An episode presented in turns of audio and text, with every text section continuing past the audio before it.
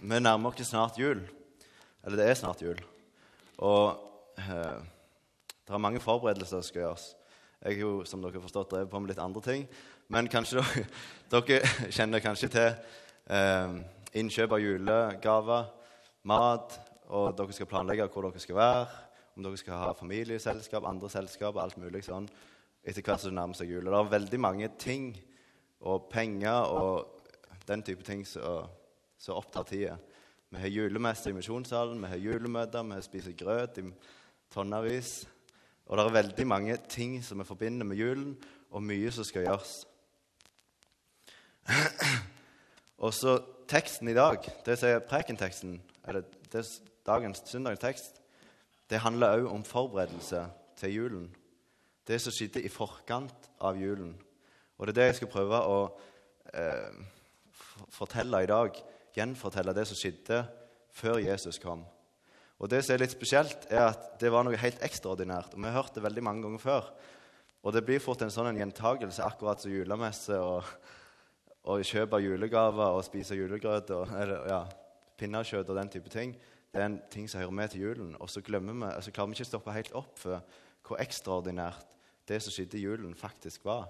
Og hvor ekstraordinært de forberedelsene som var i forkant av det at Jesus kom, hvor spesielt det faktisk var. Og Jeg skal prøve å få dere til å stoppe opp litt for det og få øye litt på hvor spesielt det var, det som skjedde for over 2000 år siden. Men før vi gjør det, så har jeg lyst til å be litt. Himmelske Far, jeg takker deg for at du er til stede midt iblant dere. Jeg takker deg for at du er virkelig, og at du valgte å komme inn til jorda på den måten som du gjorde. Jeg ber om at du må se inn til hvert eneste hjerte som er her i dag. Du ser vi, er, vi driver òg og forbereder dere til jul eh, med alt det som følger det. En hel del eh, strev, eh, men òg mye glede. Jeg ber om at du må hjelpe oss til å få øye på det virkelig store, og til å kunne glede oss over det, samtidig som vi kan undre oss litt over eh, hvor stor du er, og hvor ufattelig du er, men allikevel troverdige du er. At vi kan tro på at du som Gud kom til jorda eh, og møtte oss mennesker og ga oss muligheten til et evig liv i himmelen hos deg. Jeg ber om at det må skine gjennom hos hver enkelt av oss som er her i dag. Når vi går hjem eh, i familieselskaper, og på julegudstjenester og juletrefester, uansett hvor vi måtte gå, at det kan skine gjennom oss at vi har en glede, en fryd over at du som Gud har kommet til jorda og tok bolig i oss som tror på deg. Jeg ber om at du må være med meg og gjøre at stemmen min kan holde gjennom talen. At jeg kan få lov å, å snakke ditt ord, og at eh, du må bare være til stede her med din ånd. Jeg ber i ditt navn. Amen. Jeg, som mange av dere vet, så har jeg vært et år i Mongolia, og jeg er veldig glad i å snakke om Mongolia. For jeg hadde det veldig kjekt der. Men i dag så skal jeg begynne en litt annen plass. Jeg skal begynne um, jeg skal begynne en annen plass enn i Norge. Jeg skal begynne med Sand i Mongolia. For Mongolia er et helt annet land enn det er Norge. Både når det gjelder kultur og klima og natur. Det er veldig flatt i Mongolia. Og det er veldig mye gresshopper. Og det er veldig mye sand, og det er veldig mye vind, og det er kaldt. Og Jeg vet ikke om jeg fortalte det før, men det var en gang vi skulle, jeg skulle ha en bibelgruppe med misjonærene hos meg. Så hadde jeg vasket huset, eller vasket leiligheten, og så eh, var jeg på vei til skolen, for jeg arbeidet på skolen. Så lufta jeg ut i tillegg, for jeg ville ha frisk luft til jeg kom hjem igjen. Og så hadde jeg glemt vekk at sand og sterk vind i kombinasjon er ikke en god ting når du lufter ut. Så når jeg kom hjem etter en dag på skolen, så så ikke leiligheten like ren ut som den gjorde når jeg før gikk, hvis jeg kan si det på den måten. Så var det fram med sopekosten med sand i sofaen og overalt. det er veldig mye ørkensand i Mongolia så, eh, ja, så er overalt, òg med vinden. Og nå kan vi få opp bildene hvis de er oppe her. Skal vi se om vi gjør sånn? Jeg, jeg kan ikke med den her. Der var det, ja. Mye gresshopper i Mongolia. Eh, og her, Vi var på tur til Gobiørkenen, helt sør i Mongolia. Det ligger på grensa til Kina. Det er en veldig svær ørken. Og Det som er litt spesielt med den ørkenen, at det er egentlig akkurat som steppe, bare fullt med, med stein og noen merkelige busker som ser ganske trist ut, hvis jeg sier det rett ut. hvordan Det ser ut. Det er nesten ingenting som lever der. der mongolerne klarer seg ganske godt, for de er kameler som klarer å spise det lille som fins, eh, og gå langt imellom der det er vann, og, og holde på vannet. Men det som er litt spesielt, er at midt i denne ørkenen så er bare stein og den type ting, så ligger det altså sanddyner sånn som dette her. Og det ser ut som om det er noen svære lastebiler, kanskje riser som har vært og tømt ørkensand bortover og lagt i sånne dyner. Eh, veldig spesielt. Og så når vi gikk oppå her skal vi se, Her har vi litt flere bilder fra den ørkensanden. Du ser hvordan ørkenen egentlig er, og så plutselig ligger det sanddyner. Og det syns jeg var veldig fascinerende. Så ser vi når, når vi gikk oppå toppen her, så var det ikke så mye vind som skulle til før det ble utsletta igjen, og så forma vinden sanddynene akkurat sånn som han ville. Og den sanden herifra den dro han med seg helt opp, helt nord i landet, veldig langt. Eh, helt nord til der jeg bodde, inn i leiligheten min når jeg lufta ut. Vinden har en enorm kraft til å dra med seg sand og til å forme sanden i sånne svære sanddyner som ser ut som fjell på lang avstand. Men så er det bare sand så vinden er forma. Og jeg har lyst til å snakke litt om vind. Jeg skrev, prøvde å skrive i sanden når jeg var på vei oppover, eh, men det skulle ikke så mye vind til for det heller forsvant. Men jeg, jeg likte dette treet her. For det er ingen, ingen tvil om hvor vei vinden blåser på dette fjellet her. Du ser at treet står rett ut. og jeg lurer liksom på hva som skjer den dagen vinden blåser andre veien. Men, men vinden har evnen til å forme et tre på en så spesiell måte. Vi vet at treet egentlig ville vokst rett opp hvis det ikke var vind. Men her har det altså starta litt godt, og så plutselig bare rett til sida. Vinden former treet. Nei, nå var det feil vei. Vinden har jo muligheten til å rive ned ting som vi har bygd, brukt lang tid på å bygge opp, og som vi kan ha vår trygghet i. Jeg vet ikke om dere sitter på nyheter, men på Filippinene nå, så har det òg vært en sterk vind som har lufta biler, og hus har fløyet opp oppå biler. Det er helt, og det har kommet en enorm flaum pga. vinden.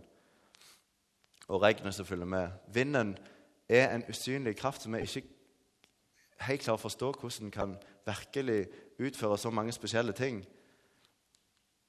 Og så tenk, Jeg tenker på vindmøllene. Vi er vant med at I Norge så er vi velsigna med mye vann, så vi har vannkraft. Vi, får, eh, vi, trenger ikke være så redde for hvor mye strøm vi bruker.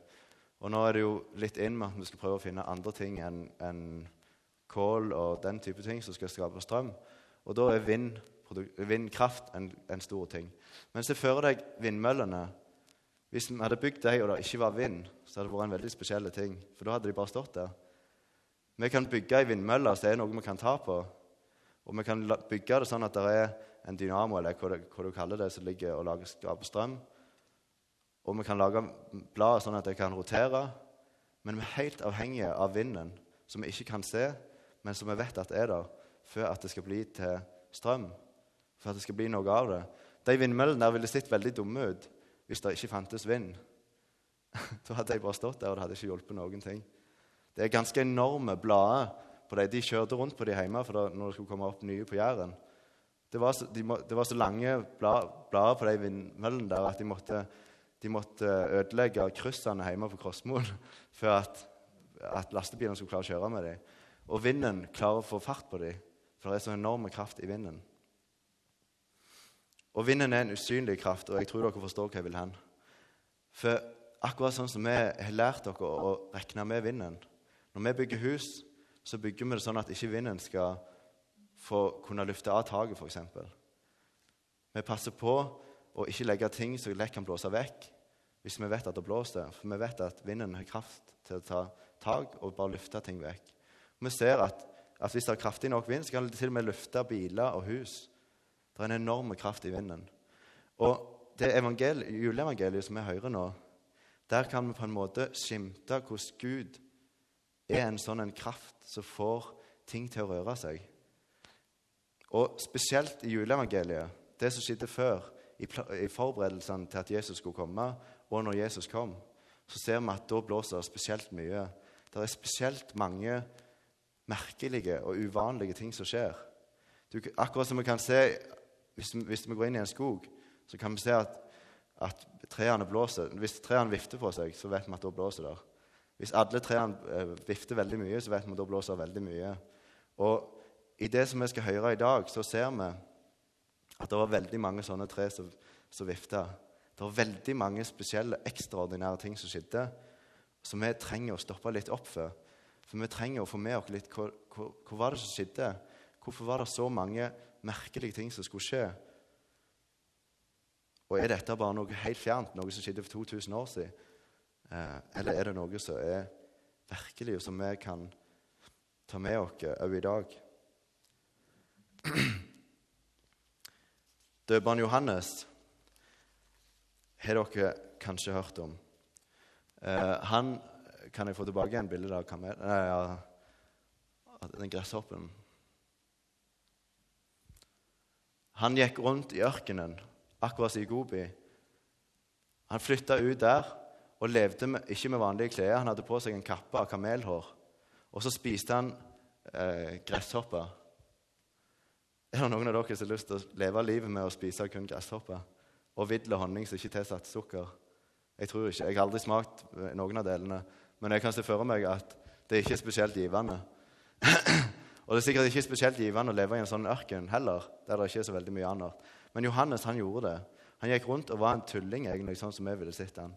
Jeg vet ikke om jeg hadde hørt på en person som f.eks. levde på fjellet med bare en kappe rundt seg og spiste lemen, bare som et eksempel, og ikke ville leve blant folk flest og i et vanlig hus med en vanlig jobb. Men Johannes han var annerledes. Han valgte å leve et helt annet liv, og vi trenger å få øynene opp for at det var veldig spesielt å gå rundt og spise gresshopper. Hvorfor, hvorfor, levde hvorfor valgte han et sånt spesielt liv? Han gikk rundt og sa til folk at de måtte omvende seg, for himlenes rike var kommet nær. Og Nettopp der lå hele hemmeligheten. Johannes visste at noe stort var med, i ferd med å skje. Himlenes rike var kommet nær. Og Det var det han gikk rundt og forkynte. Johannes hadde begynt å blåse som det treet av vinden. Den Gud hadde jobba med Johannes. Han hadde valgt han ut til å gå rundt og forkynne til folk at noe veldig, veldig stort helt ekstraordinært var i ferd med å skje. Og Selv om Johannes var en så spesiell mann som levde på den merkelige måten og framsto som så spesiell, så trodde folk på han. De, det var folk som kom og lot seg døpe.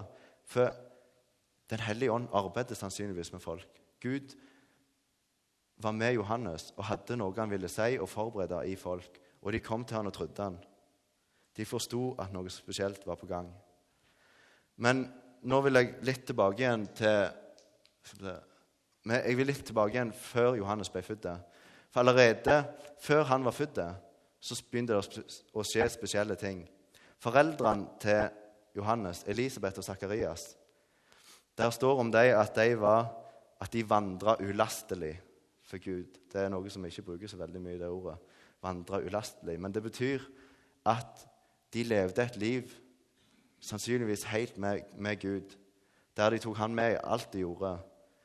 De var troende mennesker som kanskje også ble lagt merke til for, for den måten de levde livet sitt, i truskap til, til han som var deres Gud. Men de var gamle, og de hadde ikke fått unger. Og det var en skam på den tida. Det var ikke lett å gå uten å ha fått unger, for du hadde ingen som kunne ta, deg, ta seg av deg når du ble gammel. Eh, men så kom det en dag når Sakarias skulle inn i tempelet og gjøre tjeneste for Gud, for han var prest. Plutselig når han sto der og skulle gjøre tjeneste for Gud, så sto det en engel. Så kom det en engel til Sakarias og sier du skal få en sønn. Og Dette har vi hørt mange ganger før med engler og julen. Det hører liksom sammen. Og kanskje jeg skulle likt at dere rakk opp hånda, alle dere som sier engler hjemme, men dere trenger ikke gjøre det. altså. Men det er veldig mange som har glassengler eller engler i alle formasjoner hjemme. For vi er vant med at julen og engler hører sammen. Men bare for å få fram hvor spesielt dette var, hvor ekstraordinært det var, at Johannes, idet han gikk inn i tempelet, opplevde at en engel kom til han og sa han skulle få en unge, så tenker jeg, Se for dere når dere sto opp i morges, når dere våkna. Hvor normalt hadde det vært hvis dere våkna og det satt en engel på sida av senga og sier til deg at du skal få en unge?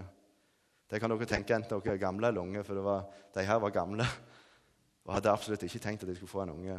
Jeg tror det hadde blitt litt sett ut hvis det satt en engel og sa det til deg. Vet du hva, du skal få en unge. Og jeg hadde blitt sett ut om det sto en engel når jeg var på jobb her i misjonssalen. Om det kom en engel til meg og sa at jeg skulle få en unge. En engel det er helt, helt uvanlig. Vi, vi, tenker ikke på det. Jeg, når jeg våkna i morgen, så tenkte jeg ikke jeg i dag skal sitte en engel på siden av senga mi og fortelle meg et spesielt budskap.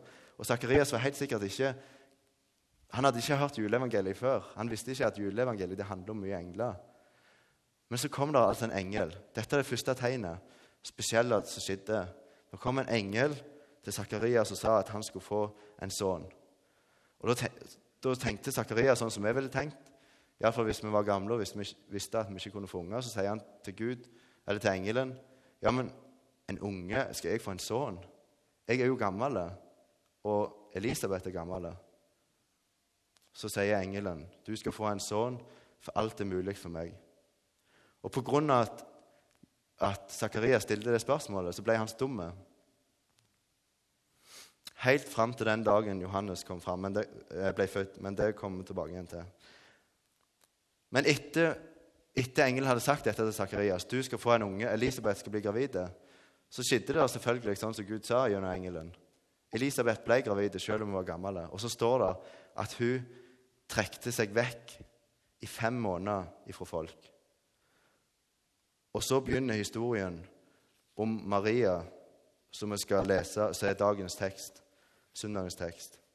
Og Det står fra Lukas, i Lukas evangeliet, kapittel 1 um, ehm, Skal vi se fra vers Nei, nå tuller jeg. Det, det er ikke eh, søndagens tekst som kommer nå, men det er det som står rett i forkant av, av søndagens tekst. Men det, står, det som jeg skal lese, står i Lukas evangelium kapittel 1 fra vers 26. Så står det Men i den sjette måned Det som skjedde med Johannes når, Gabriel sa til Sakarias at du skal få en sønn, så var ikke det en hvilken som helst sønn. Det var en sønn som skulle peke på Gud.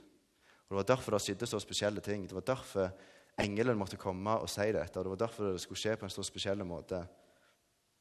Og så prøver Lukas å få fram sammenhengen mellom det spesielle som hadde skjedd med Sakarias, og det som skulle skje med Maria. For det står at Elisabeth trakk seg vekk i fem måneder etter når hun var gravid. Og så står det men i den sjette måneden når Elisabeth var seks måneder på vei. Da skjedde dette med Maria. Men i den sjette måned ble engelen Gabriel sendt av Gud til en by i Galilea som heter Nasaret, til en jomfru som var trolovet med en mann som heter Josef, av Davids ett. Og jomfruens navn var Maria. Og Der trenger vi å stoppe opp igjen, for dette har vi sikkert hørt før. Men la meg merke til at her skjedde noe spesielt igjen. Engelen Gabriel ble sendt av Gud til Maria. Tenk igjen på deg i morges, f.eks. med frokostbordet. Hadde du blitt sett ut hvis engelen satte seg ned ved frokostbordet ditt i dag og begynte å snakke til deg? Engelen Gabriel kom til Maria. Hun var et menneske akkurat som du og meg, med et forhold til Gud. Og så plutselig brøt Gud inn med hjelp av en engel inn i Maria sin hverdag og sa til Maria, vær hilset, du som har fått nåde, Herren er med deg. Velsignet er du blant kvinner. Men hun ble forferdet over hans ord og grunnet på hva slags hilsen dette kunne være. Se for deg igjen at det er du, sier Maria. Du med alle de tingene du går og tenker på nå, planlegging, jul eller uansett hvor det måtte være du går og bærer på. Og plutselig, hvis en engel hadde kommet og møtt deg med denne hilsingen Vær hilset, du som har fått nåde. Herren er med deg. Velsignet er du blant kvinner eller blant menn, alt etter hvem du er. Hva hadde du tenkt da? Meg? Møter Gud meg? Hva er, som, hva er, dette her for noe? En engel, vær hilset, du som har funnet nåde. Maria var bare et menneske, hun òg. Men engelen så inn til hjertet på Maria. Han så at hun var forferda. Så han sier, 'Frykt ikke, Maria, for du har funnet nåde for Gud.' Du trenger ikke være redd. Du har funnet nåde for Gud. Og det betyr, når det står det i Bibelen, at du har funnet nåde, så betyr det at du, du er valgt ut på en spesiell måte. Se, du skal bli med barn og føde en sønn, og du skal gi ham navnet Jesus. Han skal være stor og kalles den høyeste sønn. Gud Herren skal gi ham hans fars Davids trone, og han skal være konge over Jakobs hus til evig tid. Og det skal ikke være ende på hans kongedømme. Men Maria sa til engelen, hvordan skal dette gå til, da jeg ikke vet av mann? Engelen svarte og sa til henne, Den hellige ånd skal komme over deg, og den høyestes kraft skal overskygge deg. Derfor skal også det hellige som blir født, kalles Guds sønn. Og se, Elisabeth, din slektning, har også unnfanget en sønn i sin høye alder. Hun som ble kalt ufruktbar, er nå alt i sjette måned. Gud vet at Maria menneske, var menneske sånn som du og meg. Og Gud visste at sannsynligvis ville det være vanskelig for hun å forstå at Gud kunne komme inn, gripe inn i, sånt, i hennes liv. Hennes høyst personlige liv, der hun lever som ei forlova jente. Så jeg, forlov, jeg er ikke jente for meg gutt, jeg vet jo hvordan jeg å forlova nå. Men hun levde sitt liv, og så grep Gud inn. Og så sier at du skal, få en, skal få en sønn, men det skal ikke være med Josef. Og så tenker Sikka Maria hvordan i alle dager skal dette gå til? Og så, så slenger engelen på og se Elisabeth, din slektning, har også unnfanget en sønn i sin høye alder. Det har begynt å blåse en, an, en annen plass. Det har begynt å skje spesielle ting, ekstraordinære ting andre plasser. For Gud kan, jeg kan gjøre det sånn at Elisabeth eh, kan få en unge, selv om hun er gammel. Og da kan jeg òg gjøre sånn at du kan få en unge, Maria. Bare slapp av. Jeg kan. Gud ser til Maria i den situasjonen hun er, og med de følelsene hun, er, he, hun har. Og så kommer han og gir henne trøst og oppmuntring. 'Dette kan gå bra. Jeg kan, for jeg er Gud.' Og så sier, sier engelen det som er så viktig å huske på. For ingenting er umulig for Gud. For ingenting er umulig for Gud. Og Da trenger vi igjen å huske på vinden, som jeg snakket om tidligere. Når vi går ute Her på Jæren så blåser det ganske mye. Men det er som regel ikke sånn forferdelig sterke storm. Det har vært det litt tidligere nå, så det har blitt litt ødeleggelser. Men normalt sett så merker vi bare vinden så vidt, og vi tenker ikke over den. Men det er en enorme, enorme kraft i vinden hvis han bare får slippe skikkelig til. Og når Gud sier at ingenting er umulig for Gud, så er det nettopp det han prøver å vise her, med at to gamle folk skulle bli bli funget selv om de var gamle. Engler skulle komme ned med budskapet. Det var unormalt. Maria, som ikke var gift, skulle få en unge med Gud. Spesielle ting skulle skje for at han skulle få fram at det er en enorm kraft i Gud. Og vi trenger å stoppe opp og tenke på det òg som forsamling. Vi kan bygge vindmøller som ser fine å se på. Kan være fine å se på, kanskje. Kanskje ikke. Men men det sviver ikke hvis ikke Gud med sin ånd får, får dra hele lastet. Det er en enorm kraft i Gud og i, og det, i det han er Den hellige ånd.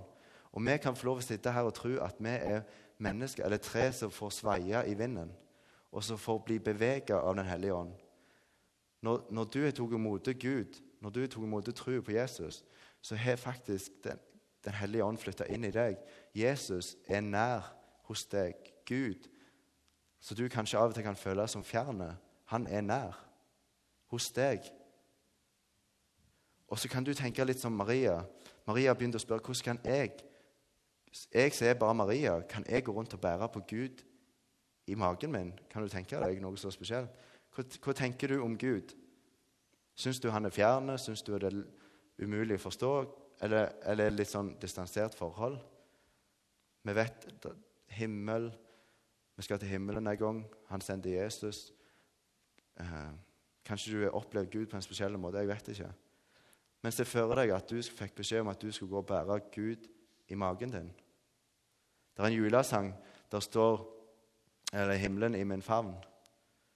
Så står det Er det jordens største skatt jeg beskytter denne natt? Er det selve himmelen som jeg gynger i min favn? Se for deg Maria som skulle ta vare på Jesus. Ta vare på selve Gud, passe på at han hadde nok mat, at han var trygg på natten. Er det selve himmelen jeg skal gå og bære i magen min i ni måneder? Og så syns Maria dette var merkelig. Og så er, så er poenget bare at, at når vi synger det i sangene himmel, 'Jorden tar himmelen i favn', så er det nettopp det Gud serverer deg her og nå. Når du tar imot Jesus, så får du òg Gud buende i deg. Du får lov å gå og bære på Gud på samme måten. Ikke samme måten, du skal ikke ha Jesus i magen din, forhåpentligvis. For det skjedde kun én gang. Men Gud flytter inn i deg. Akkurat som Maria fikk en sånn spesiell beskjed om at, om at himmelen, himmelriket var nær, Jesus kom til jorda, på samme måte så får du som den helt vanlige personen du er, gå rundt og tro at Den hellige ånd, den høyeste Gud, har tatt bolig i deg. Og så kan du få lov å ta det med deg videre og vite at, at du er en, en, et tre som får lov å sveie og la seg forme av den kraften som er. For ingenting er umulig for Gud. Og Det kan vi få lov å tenke oss som den personen du er, og det kan vi tenke oss som forsamling. Ingenting er umulig for Gud hvis han bare med sin ånd får, får komme og, og røre med oss. Ingenting er umulig for Gud. Da sa Maria, se, jeg er Herrens tjenerinne. Det skjer meg etter ditt ord. Og engelen forlot henne. Maria slapp Gud inn i livet sitt. Maria sa, det skjer meg etter ditt ord. Og så kan vi få lov å slippe Gud inn i dag òg, på nytt og på nytt. Det skjer meg etter ditt ord. Og engelen forlot henne. Og så begynner søndagens tekst. Men Maria brøt opp i de dager og skyndte seg til fjellbygdene, til en by i Juda. Hun kom inn i Sakarias hus og hilste på Elisabeth. Og det skjedde at da Elisabeth hørte Marias hilsen, da sprang barnet i hennes liv. Elisabeth ble fulgt med Den hellige ånd. Hun ropte med høy røst og sa, Velsignet er du blant kvinner, og velsignet er frukten av ditt mors liv. Hvordan kan dette hende meg at min Herres mor kommer til meg? For se, da lyden av din hilsen hadde nådd mitt øre, sprang barnet i mitt liv av fryd. Salig er hun som trodde, for fullbyrdet skal det bli som er sagt henne av Herren. Her ser vi iallfall hvordan vinden blåser, ting som skjer. Maria hadde nettopp fått beskjeden om at, Jesus, at hun skulle bære fram Jesus. For det var fortsatt i sjette måned. I de dager så gikk hun til Elisabeth. Og Jesus hadde nok ikke blitt veldig stor inni magen til Elisabeth. Nei, Maria. Allikevel så ser vi at den kraften allerede hadde tatt plass i magen til Maria. For idet hun kom inn i huset til Elisabeth, så sitter Johannes så Han ligger fortsatt i magen til Elisabeth. Han hadde blitt kalt til å være en person som skulle gå og rydde vei for Jesus. Se for dere når dere gjør klar i huset til et selskap eller et eller annet sånt. Johannes skulle gjøre klart i menneskene sine hjerter. Han skulle, han skulle, peke på Jesus. gjøre klart for, Er dere klare til å ta imot det? Han som skal komme. Gud sjøl. Og allerede inni magen, før han hadde kommet ut av Elisabeth, så fikk han vise at himmelens rike er nær. Han klarte ikke å la være å ligge i ro og begynte å sparke ifra seg inn i magen til Elisabeth. Kan du tenke deg noe så spesielt? Jesus var sikkert så liten inni Maria, og Johannes var noe større, seks måneder, kanskje sju, inni magen på Elisabeth. Og, og den vinden, eller kraften som fulgte med Maria, virka igjennom to mager og inn på Johannes. Han sparka ifra seg. Noe var i ferd med å skje. Noe helt ekstraordinært. Og Elisabeth ble fulgt med Den hellige ånd. Elisabeth ble fulgt opp av den samme kraften. Så hun ropte med høy røst og sa, 'Velsignet er du blant kvinner, og velsignet er frukten av ditt mors liv.' Hvordan kan dette hende meg at min Herres mor kommer til meg? For se, da lyden av din hilsen nådde mitt øre, sprang barnet i mitt liv av fryd. Og fryd hører vi flere ganger i juleevangeliet. Og Har dere tenkt over ordet fryd? Jeg bruker det nesten aldri sjøl, men vi kan snakke om, om gledesfryd. Eh, at en, en, glede som er så stor at, at, at fryd Se for deg en, noen som fryder seg. Da er de virkelig fornøyde. Helt fantastisk. Og vi kan lese det eh, Sprang barnet i mitt liv av fryd. Så det er som, som en sånn vanlig setning. Men han sprang ikke i magen før han ble redd. Men det var en sånn en glede så han ikke kunne holde tilbake igjen. En liten unge som ikke kom ut av magen ennå. av fryd. Han fryda seg så mye at det viste igjen på magen. Og så sier Maria Da klarer ikke Maria heller å holde seg. Hun blir sikkert fulgt med Den hellige ånd, hun òg. Og så sier hun, 'Min sjel opphøyer Herren, og min ånd fryder seg.' En enorm glede. Fryder seg i Gud, min frelser. Min frelser, min Gud, som går og bærer på i magen. Kan du tenke deg noe så spesielt? Fordi han har sett til sin tjenerinnes ringhet. Marie oppdagte det. Jeg er egentlig en ring person, altså en, en synder. En helt vanlig person som folk sier du til. Og så har Gud gjesta meg på den måten. Og så har jeg lyst, så lyst at dere skal kjenne på litt på det sjøl. At uansett hvordan dere føler dere nå i dag, så vil Gud gjeste deg på samme måten. Han kommer til deg og med alt det han er som jeg ikke kan forstå alt. Hellige, en frelser som tar bolig i deg. Og så kan du òg få fryde deg i Gud, og selv om du ikke forstår det, hvordan det henger sammen alltid. For se, fra nå av skal alle slekter prise meg salig, fordi han har gjort store ting mot meg. Han, den mektige, og hellig er hans navn. Hans miskunn er fra slekt til slekt over dem som frykter han. Han gjorde storverk med sin arm. Han spredte dem som var overmodige i sitt hjertes tanker. Han støtte mektige ned av deres troner og opphøyet de små. Hungrende, hungrende mettet han med gode gaver, men rikfolk sendte ham tomhendte bort. Han tok seg av Israel sin tjener for å komme i hus sin miskunn, slik han hadde talt til våre fedre, mot Abraham og hans ett til evig tid. Og Maria ble hos henne, altså Elisabeth, omkring tre måneder. Så vendte hun hjem til sitt hus.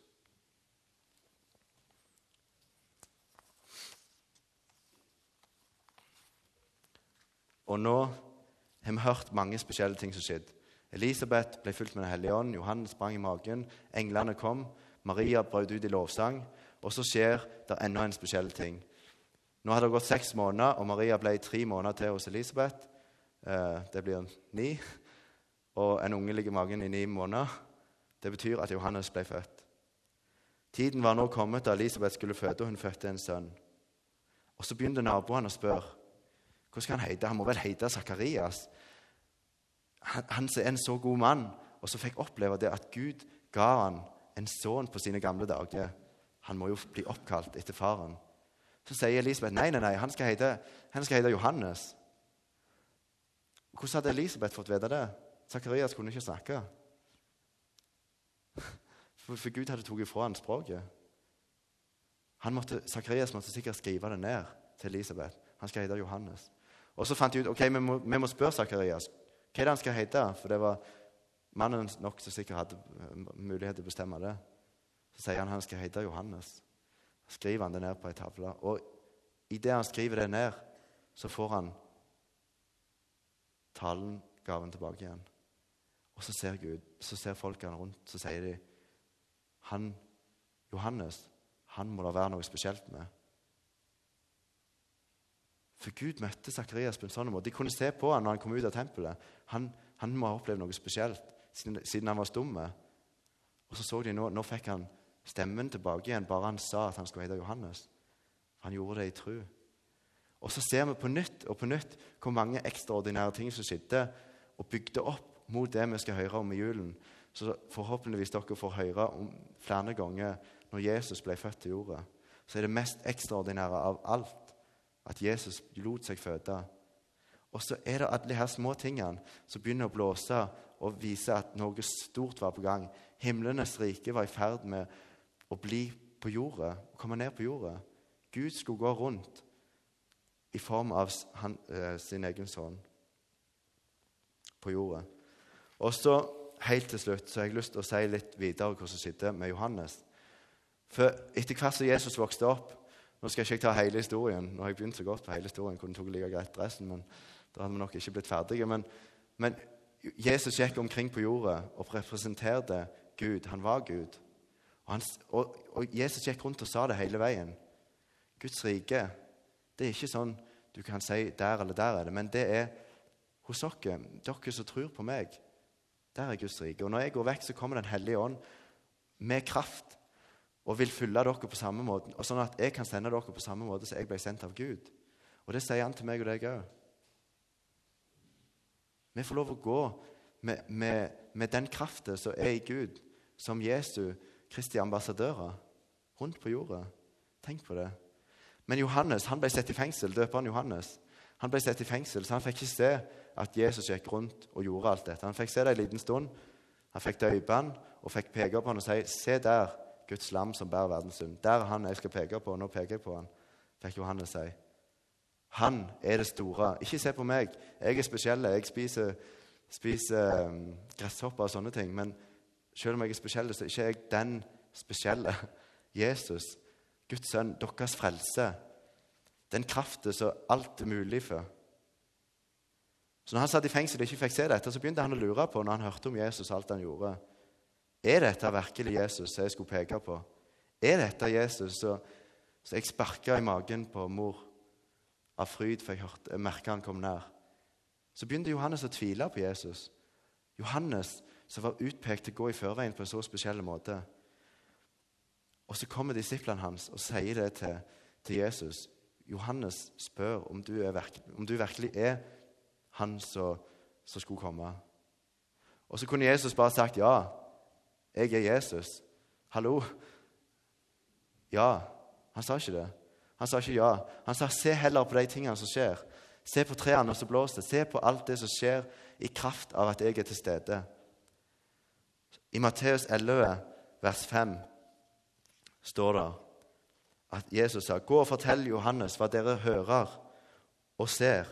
Blinde ser, lamme går omkring, spedalske blir renset, døve hører, døde står opp, og evangeliet forkynnes for fattige.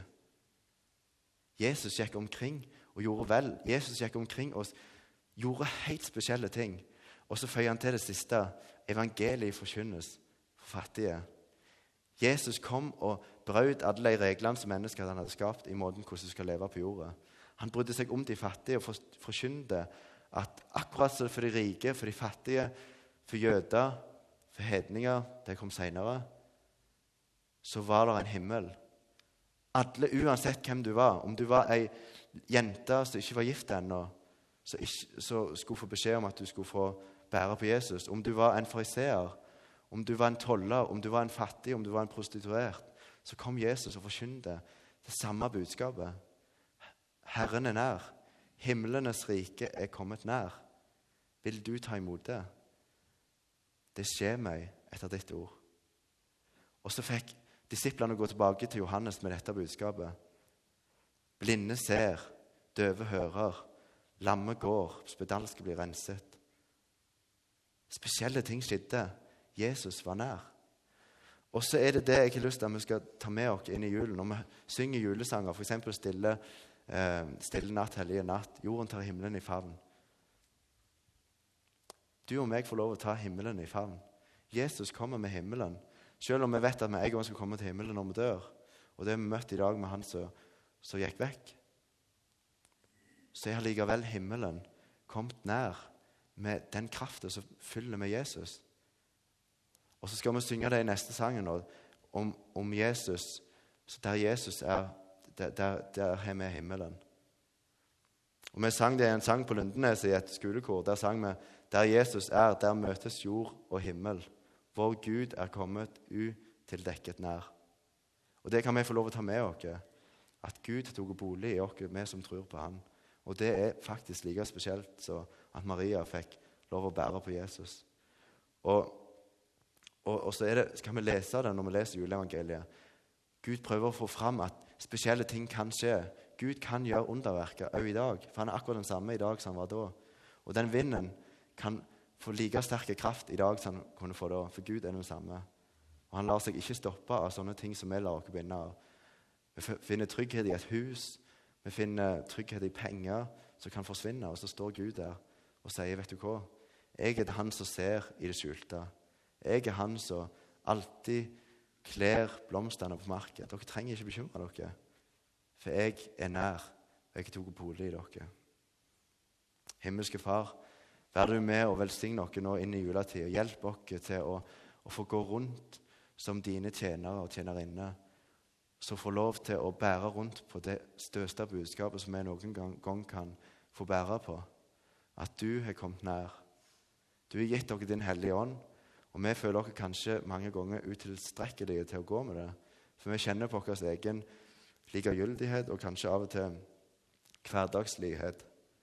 Men du møter oss akkurat der vi er, og vi trenger ikke alltid føle at vi må løfte oss opp til en spesiell åndelighet. For du er virkelig den som får fram mennesket i oss, for du har skapt dere. Hjelp oss til å få peke på deg akkurat som Johannes fikk peke på deg. Hjelp oss til å få vitne om, om, hvem du er, og hva det var som virkelig skjedde i julen. At himmelen, Gud og det som vi kan føle som en fjerne ting, det kom nær. Og du forener det jordiske med det himmelske. Guds rike får vi, vi eier allerede nå. Og så får vi ha en trygghet i deg som er over all fatteevne. Og det, Vi klarer ikke å forstå det med vår forstand. Hjelp oss til å kunne fryde dere i deg og fryde dere i det du har gjort. Inn i julen og inn i alt det vi steller i stand.